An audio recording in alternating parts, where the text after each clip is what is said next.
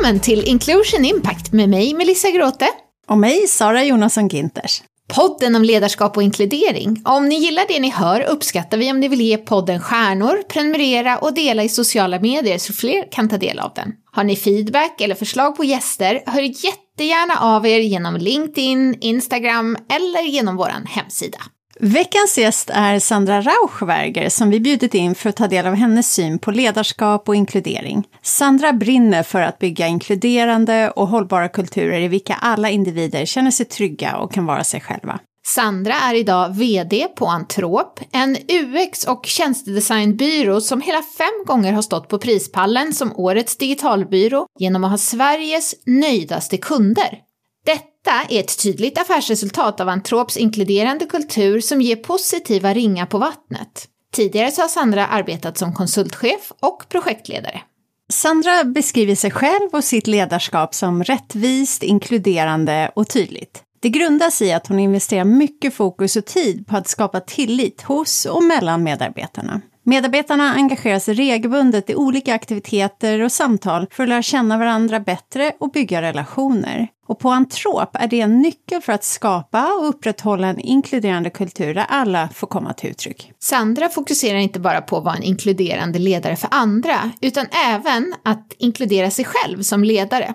För henne så innebär det att vara autentisk och fokusera på sina egna styrkor och värderingar. Så numera knackar inte föreställningen om ledaren som den ouppnåeliga superhjälten på lika ofta. Sandra är inlyssnande, ärlig och leder Antrop på ett tydligt värderingsstyrt sätt. Hon är en inspirerande och nytänkande ledare och en perfekt gäst i veckans avsnitt av Inclusion Impact som är inspelat i SOP.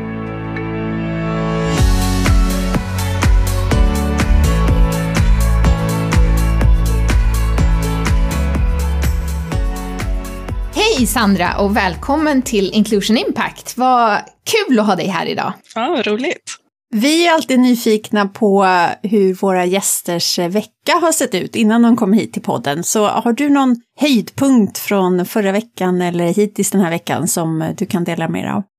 På, på mitt jobb så har vi möte hela gänget varje, varje fredag och på mötet i fredag så ägnade vi det bara åt att lära känna varandra och bygga relationsdjup.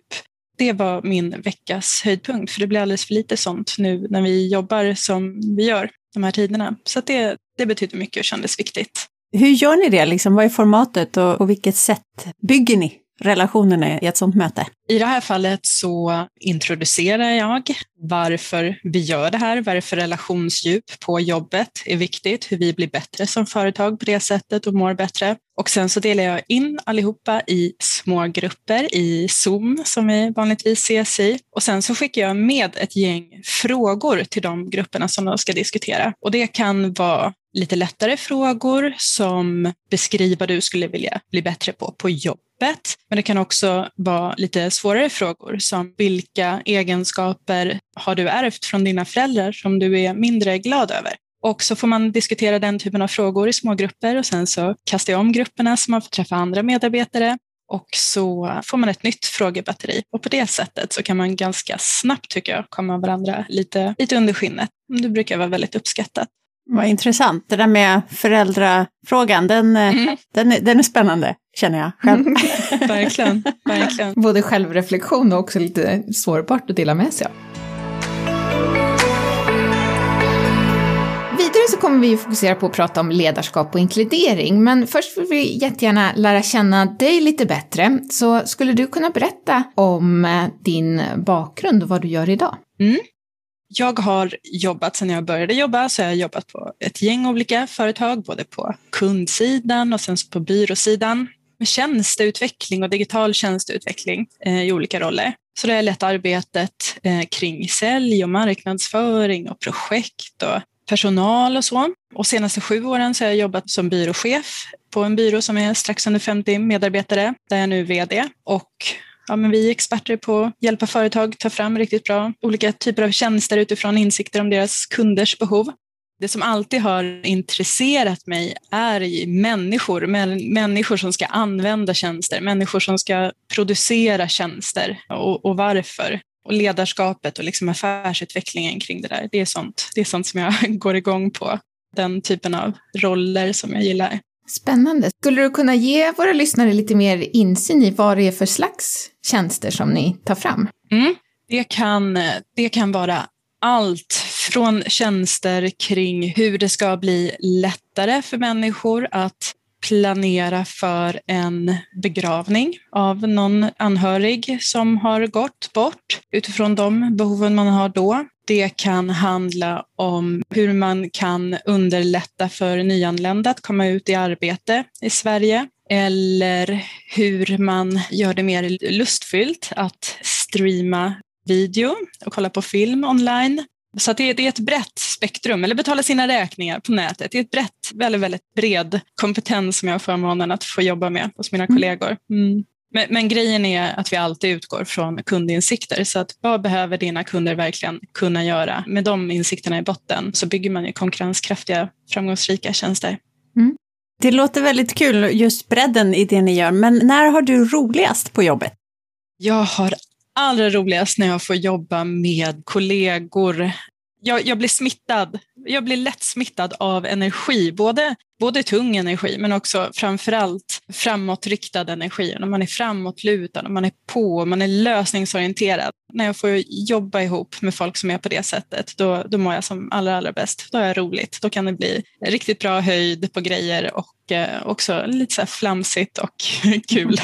Har du något eh, bubblande intresse och någonting som du skulle vilja lära dig mer om som du inte känner att du har utvecklat ännu idag? Ja, det första som jag kommer på har, har inte direkt med, med mitt jobb att göra, men jag är också väldigt intresserad av landskapsarkitektur och hur man skapar, hur man skapar miljöer eh, som ska vara estetiska och funktionella för olika grupper som ska vistas, vistas där. Det tycker jag är super, superspännande. Det finns, det finns ju beröringspunkter såklart till, till det vi pysslar med. Men det skulle jag jättegärna vilja lära mig mer om. Mm.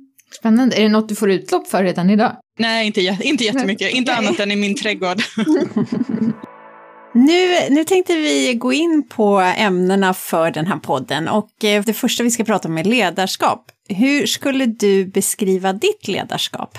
Jag skulle säga att det präglas av tydlighet och tillit och eh, involvering.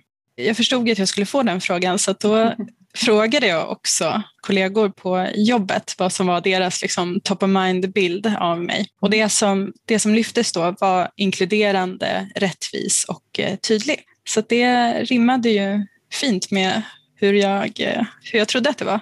Det här med tydligheten som, som du lyfte, hur kännetecknas det?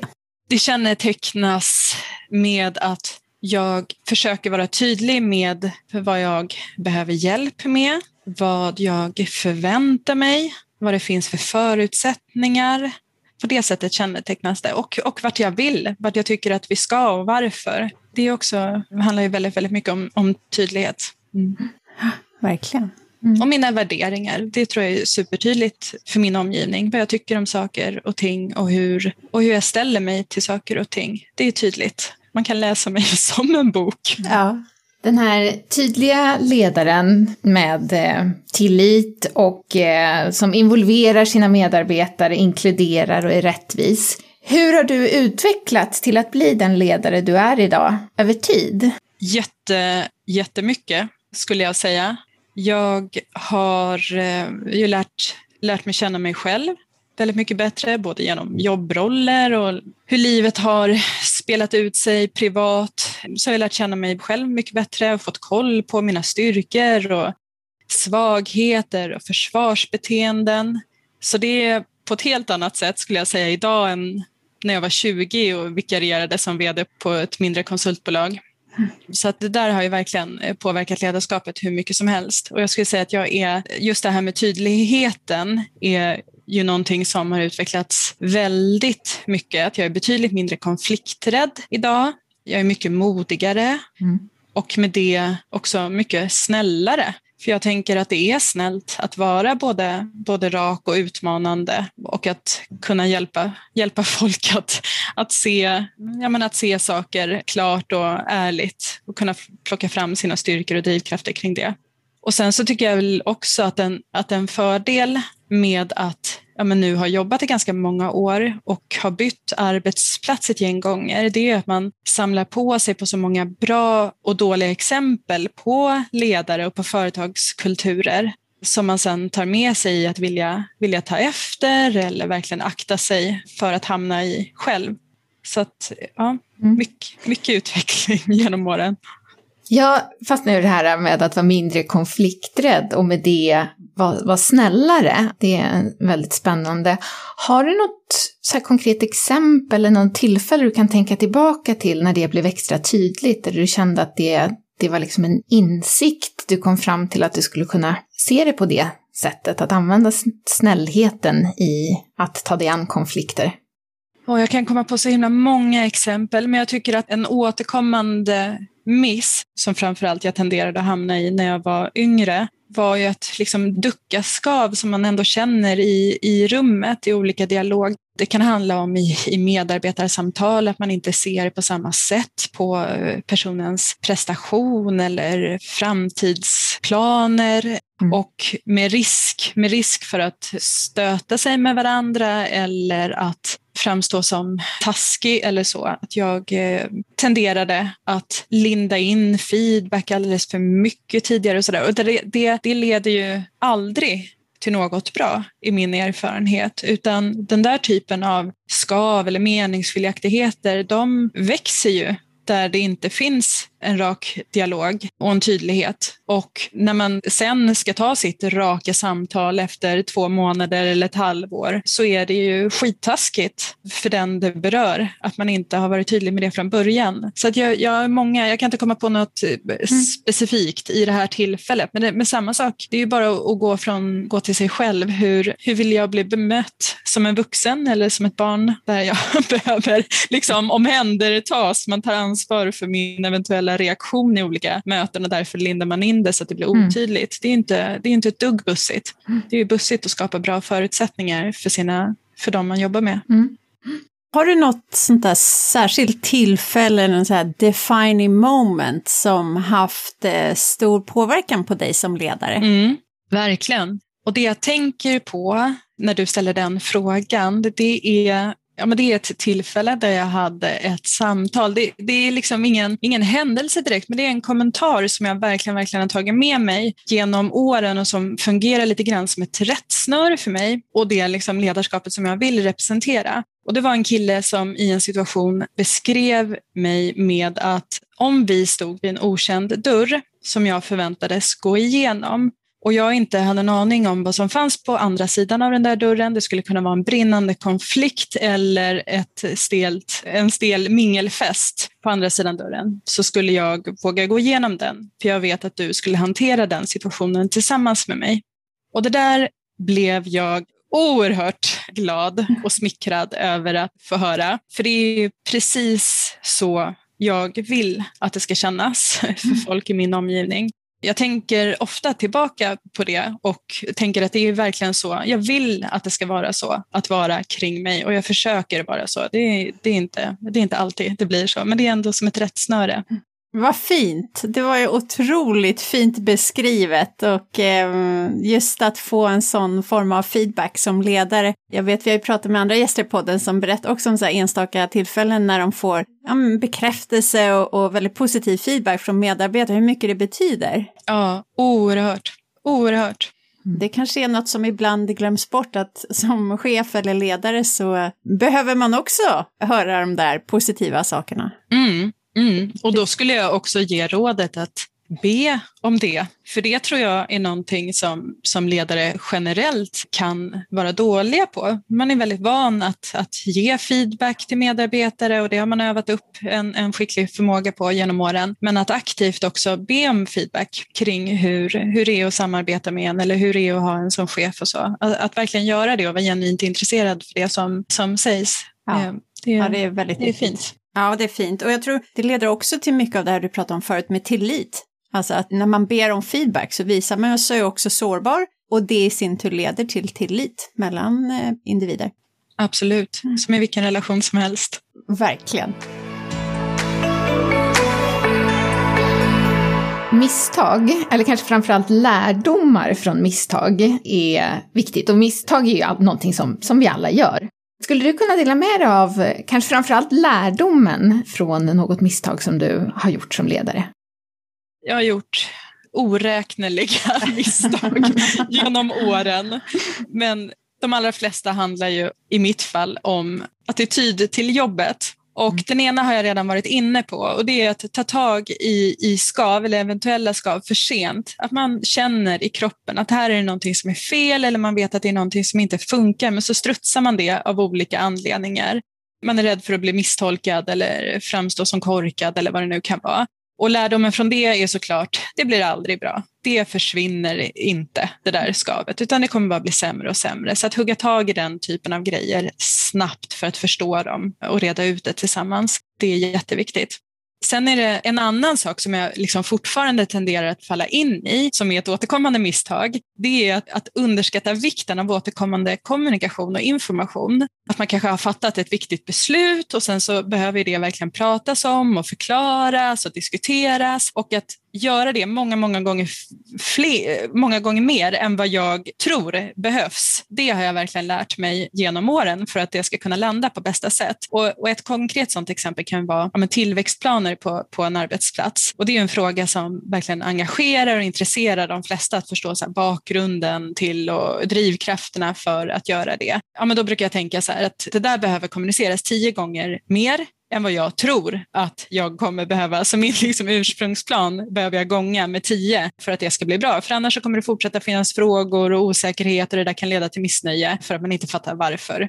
Så att kommunicera mycket mera. Men sen tror jag en annan mer liksom personlig lärdom och misstag då, eller vad man ska säga, eller fel, feltänk, som ledare, eller för mig har det varit så, att släpa runt på en ledarförebild som någon så supermänniska. Att tänka att i min roll, liksom, en, en riktig ledare är alltid orädd och stabil och pepp och stark. Och att släpa runt med den bilden är för mig i varje fall osunt och har inte alls gjort mig till en bättre ledare utan gör ju bara att man mår dåligt. Att våga vara transparent med att så är inte alltid jag, så känner inte jag mig alltid. Och att också faktiskt vara inkluderande kring sig själv. Det är snarare den ledarförebilden som jag tycker att man ska ha så att man inte har den där liksom himen på axeln.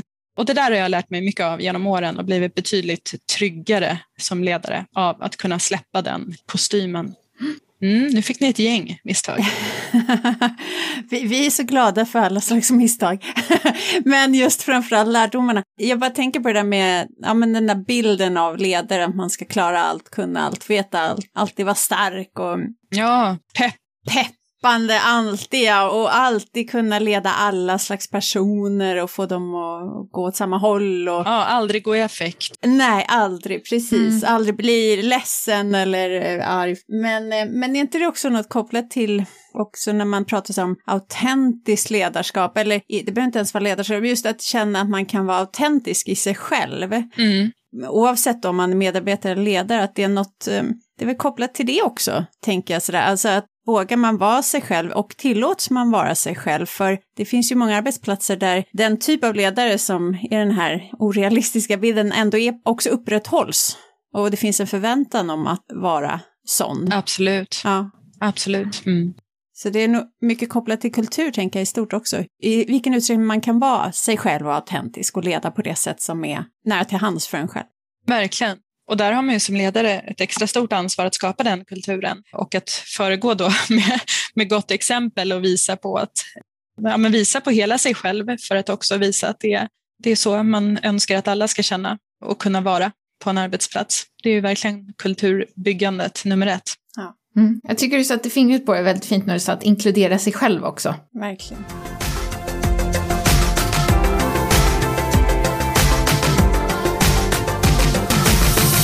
Nu har vi kommit till våra fem snabba frågor med fem snabba svar. Vad är du stoltast över i ditt ledarskap? Att jag är bra på att se min omgivning och eh, hur alla behövs för att bygga någonting framåt tillsammans. Vad tycker du är svårast med att leda? Att leda på distans. Jag tycker det har varit jättesvårt under pandemin att, att inte ses utan sitta så här vid skärm månad in och ut och försöka hålla ihop oss. Vad är det bästa med att vara ledare? Få skapa förutsättningar för andra att kunna göra riktigt bra grejer och många gånger grejer som man inte kanske trodde själv eller som de inte trodde själva att de skulle kunna göra. Vad behöver du från din chef? Jag behöver rak dialog, tydliga mål och uppskattning. Finns det någon ledare som du inspireras av och i sånt fall varför? Jag har ynnesten att jag har ett helt gäng med kvinnor i min närhet, både privat och på jobbet, som jag inspireras jättemycket av. Och där ja, men gemensamma nämnaren väl är, liksom, ja, men de, de leder med värme och inkludering och mod och gemensamma nämnaren att de lyssnar mer än de pratar och det är en jäkla bra ledaregenskap tycker jag. Jag lär mig och jag inspireras supermycket av att få hänga och prata med dem.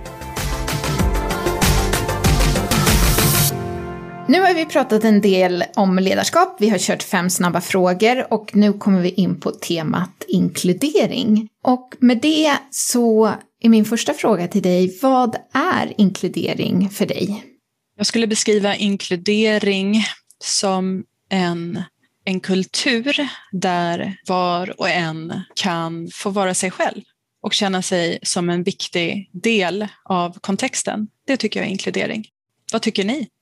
Jag tycker verkligen att det handlar om att kunna vara sig själv, precis som du sa. Och det som vi har varit inne på tidigare, att de förutsättningarna finns runt omkring en. Att man känner tillit och att, man, att det finns en öppenhet och att man blir sedd och tillvaratagen för den man är. Att man får komma till uttryck till hundra procent, att man värdesätts för det. Mm. Bra beskrivning. Sandra, hur tycker du att ledarskap hänger ihop med inkludering? Alltså, vad är din roll som ledare rent konkret i att bygga inkluderingen?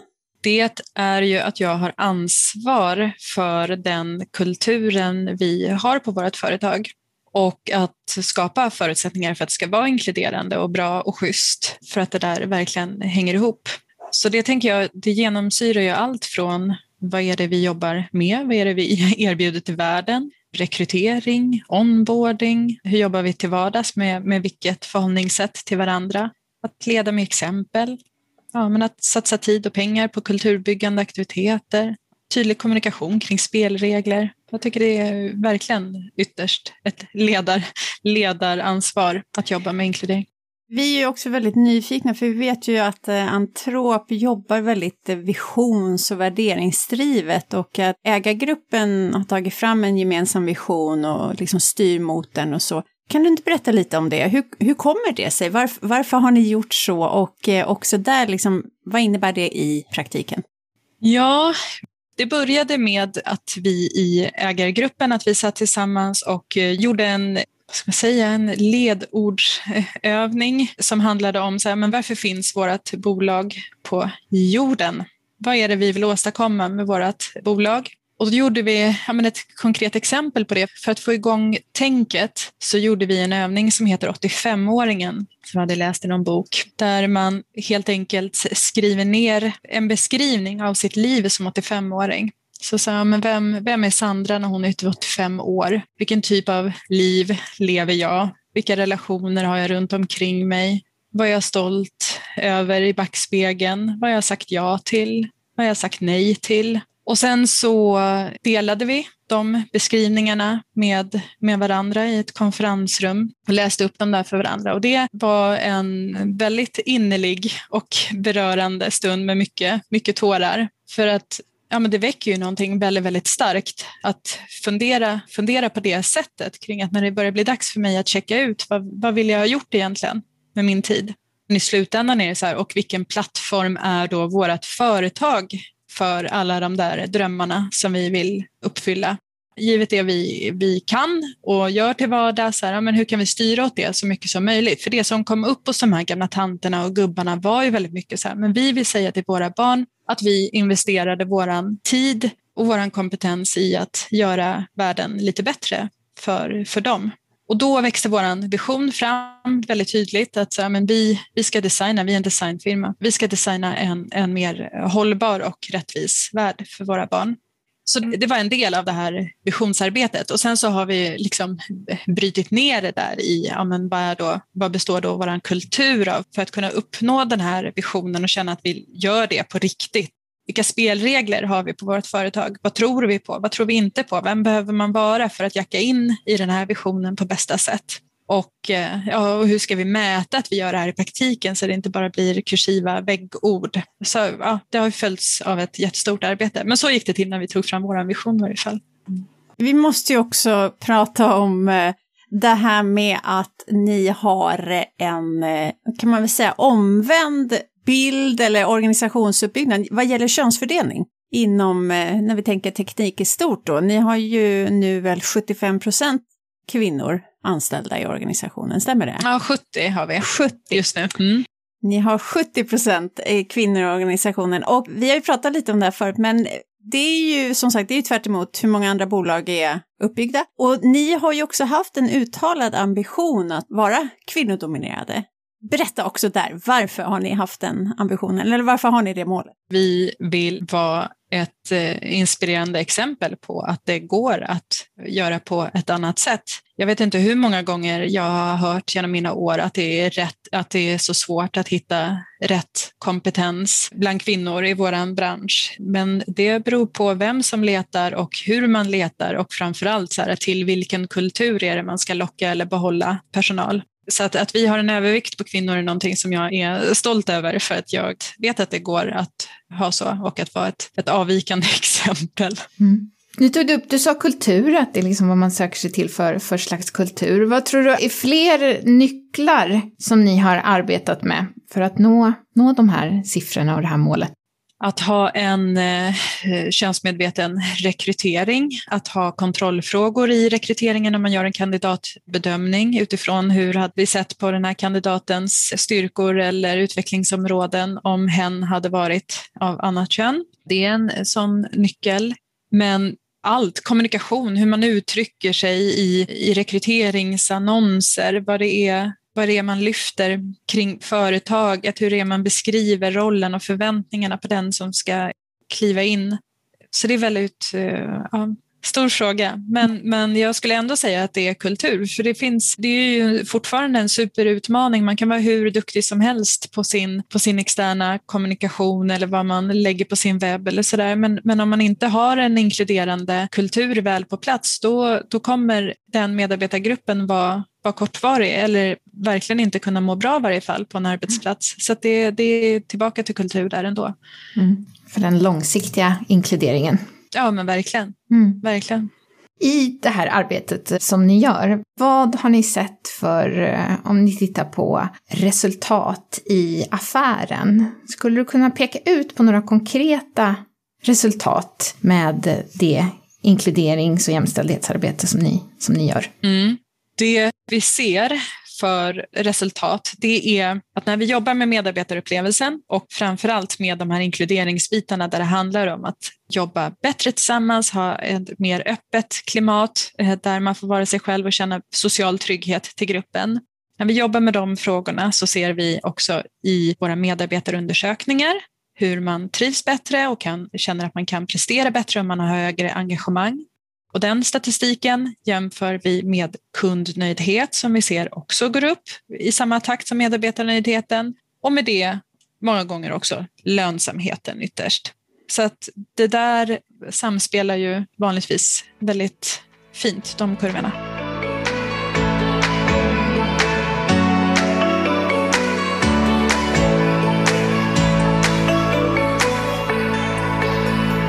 Vi är konsultbyrå, så vi jobbar med kunder hela tiden och i väldigt nära samarbeten. eftersom att vi investerar mycket i att skapa social trygghet och att jobba med liksom personlig utveckling och med gruppdynamik och att förstå sig själv i kontext till andra och träna våra kommunikationsförmågor liksom, så är det också någonting som vi ser väldigt tydligt i feedbacken från våra kunder som vi hämtar in löpande. Att då känner man ju också som kund, att man kan vara väldigt transparent med vad man inte förstår eller vad man behöver och vad man kan vara sig själv på ett helt annat sätt i de samarbetena också. Och det är ju någonting vid sidan av liksom värdet vi, vi levererar i form av resultat så är det någonting som kunderna väldigt ofta lyfter också. Att det blir så himla tajta och fina samarbeten för att vi investerar i andra kompetenser också än bara hård yrkeskompetens. Det blir ringa på vattnet.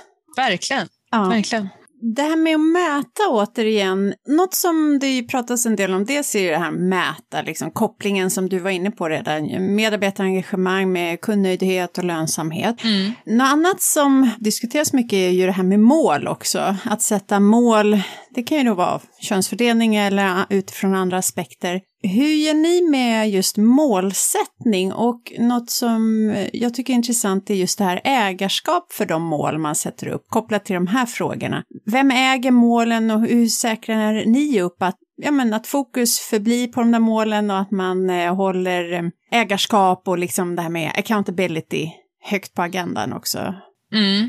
Vi, eh, vi har ju medarbetarmål kring medarbetarupplevelsen som vi mäter där vi har tydliga mål på att vi ska ligga över en viss procent av medarbetarengagemang som motsvarar Great Place to Works eh, certifieringsnivå för att anses vara ett Great Place to Work. Och där tittar man mycket på ja, tillit till ledarskap och stolthet över det man åstadkommer tillsammans och trivsel med kollegor och sådär så har vi också ett annat vid sidan av ekonomiska mål och sådär, så mäter vi hela tiden då givet vår ambition att vi ska göra världen till, till en eh, bättre plats på olika sätt för våra barn och mer hållbar så, så har vi också satt upp tydliga hållbarhetsmål för företaget. Och där har vi som mål att minst 55 procent av våra projekt hela tiden ska gå åt att jobba mot de globala hållbarhetsmålen. Och det mäter vi på månadsbasis och i det är ja, men alla involverade, medarbetare, säljgrupp, hur vi planerar upp våra projekt etc. Mm. Och så kommunicerar vi det där internt hela tiden så att man vet hur det ligger till. Och släpper aldrig bollen? Låter det som då. För det, för det är ju något man kan se ofta att ja, men det sätts nog mål, men det är inte så tydligt vem som äger det eller hur man följer upp. Och också det här som jag hörde du prata om också, det är liksom, det är alltid ihopkopplat på något sätt, alltså målen hänger ihop med varandra. Så det blir inget separat vid sidan om kärnverksamheten, utan att det är integrerat i hela affären och hela verksamheten. Verkligen. Och att då prioritera noggrant bland målen tycker jag så att man inte, inte mäter saker som, som inte kommer göra en skillnad utan att verkligen välja de målen med noggrannhet. För det finns ju som bekant där att det man, det man mäter får man resultat på. Så att välja, att välja sina mål med noggrannhet och sen att ja, men minst på månadsbasis faktiskt följa upp och prata kring utfallet på de målen. Ja, jättebra. Jättebra poäng med att välja sina mål med noggrannhet. Som en recap så har ju du eh, många år i, i techbranschen och också i, som konsult. Och nu är du vd på Antrop, där du har varit i sju år. Mm. Om vi då fokuserar och eh, smalnar ner lite och tittar på techbranschen, vad ser du för möjligheter, men kanske också svårigheter, eller om vi börjar andra änden. Vad ser du för svårigheter, men också möjligheter inom techbranschen när det gäller inkludering? Jag ser att det är väldigt tydligt för alla idag vilken kamp om kompetensen det verkligen är. Det är inte arbetsgivarnas marknad idag och att för att få den vassaste kompetensen att börja hos dig, men också att stanna och kunna göra ett riktigt bra jobb, så är min spaning att kulturfrågan väldigt, väldigt många gånger behöver upp, mycket högre upp på agendan, apropå att sätta mål. Där kan man verkligen göra ett arbete. Så ena sidan, ja, men verkligen så affärskritiskt för ett företags överlevnad eh, för att kunna, kunna få ha rätt typ av kompetens. Men sen tror jag också så här, man behöver bara gå till sig själv. Hur vill du att din arbetsplats ska vara för att du ska må bra och att känna ett mer, rent liksom medmänskligt ansvar att ta ansvar och bygga den, den arbetsplatsen tillsammans. Mm. Men det finns möjligheter att sätta tonen för kulturen på, på företaget. Verkligen. Verkligen. Mm. Är det något inom tech som du tycker, alltså är, är det något som är svårare just inom tech vad gäller inkludering? Nej, det tror jag inte. Nej. Inte ett dugg. Nej. Det är en attitydsfråga. Mm. Ja. Jag ställer en annan fråga då, Sandra. Om vi blickar framåt, hur ser du på Antrops resa? Vad gäller just ert arbete med inkludering och det här med könsfördelningen, vad, vad har ni? Har ni andra mål? Har ni nya mål för framtiden? Jag tycker att vi behöver göra ett arbete för att aktivt sätta mål på hur vi ska få in fler bakgrunder hos de som jobbar på Antrop. Det berikar oss så otroligt mycket när vi har kollegor med vitt skilda bakgrunder i liv man har levt, eh, platser man är född på. Så att jobba mer med den, jobba mer med den frågan tycker jag är viktigt. Bra, det är ju mycket fokus på könsfördelning inom tech, men eh, det behövs ju verkligen pratas också väldigt mycket mer om just den aspekten. Så det är ju grymt att ni, att ni funderar på det och hur ni ska komma dit. Nu börjar det bli dags att runda av det här samtalet. Skulle du, Sandra, kunna summera ihop dina tre key Insight, Antingen om det är saker som vi har pratat om eller om det är någonting nytt du skulle vilja lyfta in när det gäller just ledarskap och inkludering. Mm. Jag tänker på tre grejer som jag skulle vilja tipsa om. Och det första är att ta fram en beskrivande kulturtext Alltså att göra ett arbete för att tydliggöra vad ni på er arbetsplats tycker är de viktigaste spelreglerna hos er. Vad är det ni vill åstadkomma och genom att göra vad och genom att bete sig hur vill man göra det? Och när vi har gjort det så har vi liksom involverat hela medarbetargruppen, eller man kan också ha medarbetarrepresentanter för att ta fram ett sånt där arbete. Och sen är det så otroligt användbart i rekrytering, i intern kommunikation, som ledsnöre internt. Så att jag tycker, jag tycker att, att verkligen ha en beskrivande kulturtext och att inte bara låta det stanna vid någonting som man påstår sitter i väggarna, att det är så himla himla användbart. Och det ökar verkligen inkluderingen, för det är tydligt för alla som, som jobbar eller ska börja jobba vad det är man liksom signar upp på eller inte. Ett annat tips är att verkligen eh, investera i relationsskapande utanför själva arbetsuppgiften, för det kommer göra kvaliteten på arbetsuppgiften så mycket bättre att skapa en arbetsplats där, där man liksom berättar om sina liv och inte bara om sin kompetens och man berättar om sina utmaningar och inte bara om sina styrkor utan man verkligen lägger tid på att skapa social trygghet där man kan vara sig själv. Det där kommer man ha igen så många gånger. Och det kan ju vara genom att ha löpande relationsövningar, typ som den där jag snackade om på veckomötet, eller att åka iväg på konferens och bara lära känna varandra på riktigt eller öva på öppna dialoger tillsammans. Super, super viktigt och känns väldigt omodernt att göra på något annat sätt idag tycker jag. Mm. Det tredje är ju så här, men se till att få kunskap, var observant och säg ifrån direkt om någonting på din arbetsplats inte är soft och inkluderande. Och det kan ju röra sig om liksom någonting i rekryteringen som är trångsynt eller jargongen vid fikabordet är det nog fler gånger eller liksom vilka som lyfts och hyllas i olika interna hyllningar eller befordringar eller sådär. Och att aldrig ducka de tillfällena för att det där är en, ett ledaransvar och det är någonting som sätter sig så jäkla snabbt i en organisation, vad som slidar och inte. Så det, det, är mina, det är mina tre tips för ökad inkludering. De är ganska handgripliga alla tre. Verkligen, grymt bra tips. Peppande att höra. Har du också något eh, vardagstips som du vill skicka med till våra lyssnare? Någonting de kan börja göra verkligen redan idag? Japp, det har jag. Prata med någon som du vanligtvis inte brukar prata med och intressera dig för hens perspektiv varje dag. Härligt, jättebra vardagstips. Ut och prata med, med personer som ni vanligtvis inte pratar med. Stort tack Sandra för att du har varit med oss här i Inclusion Impact och eh, så generöst delat med dig till oss och till våra lyssnare. Mm. Tack för att jag fick vara med, vad kul. Mm, jättekul.